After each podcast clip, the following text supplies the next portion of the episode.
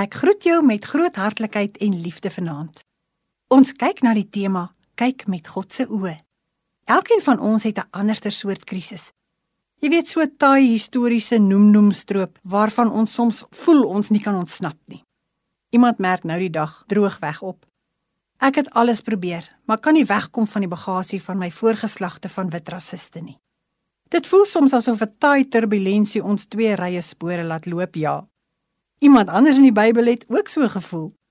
In Rut 2 vers 5 en 6 lees ons: Boas vra toe vir sy voorman: "Wie is daardie meisie?" En hy antwoord: "Sy is 'n Moabitiese meisie wat saam met Naomi van Moab afgekom het." Die antwoord is veelzeggend. Rut was 'n uitlander, 'n Moabiet.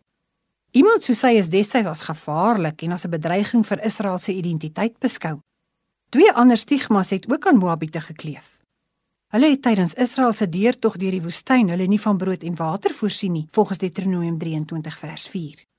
By 'n ander geleentheid is Biliam van Moab gestuur om die Israeliete te vervloek in Numeri 22. Onder die wolk kom Rut in Bethlehem aan.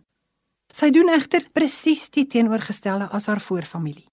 Terwyl sy en haar skoonmoeder saamwoon, tel sy daagliks soos Israel manna in die woestyn op vir haar skoonmoeder, 'n noodbehoevende Israeliet Sy tel net gasare op in Boas die boer se landgoed. Sy doen anders as die Moabiete. Sy keer die Moabiete se vloek om in 'n seën, want sy sorg vir haar skoonmoeder in plaas van om soos die destydse Israeliete te maak.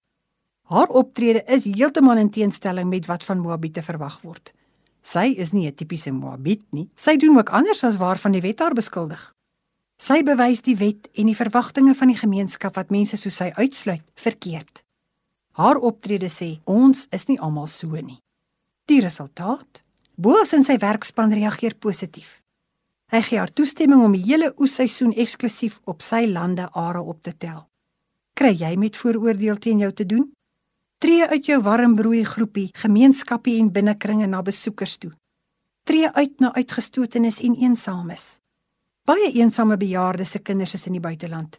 Wat doen jy daaromtrent? Indien julle familie se grootouers ver is, neem 'n ouma of 'n oupa aan. Gaan knip hulle toenails, drink 'n koppie tee en neem 'n windklingel of 'n voelbaadjie saam. Leer jou kinders uitreik deur jou voorbeeld. God is nie brute krag of beurtkrag nie. Kyk na ander, selfs die wat jou ongemaklik laat voel, met God se oë en hulle doen dalk dieselfde met jou. Tree as God se kind op en jy word dalk so gesien.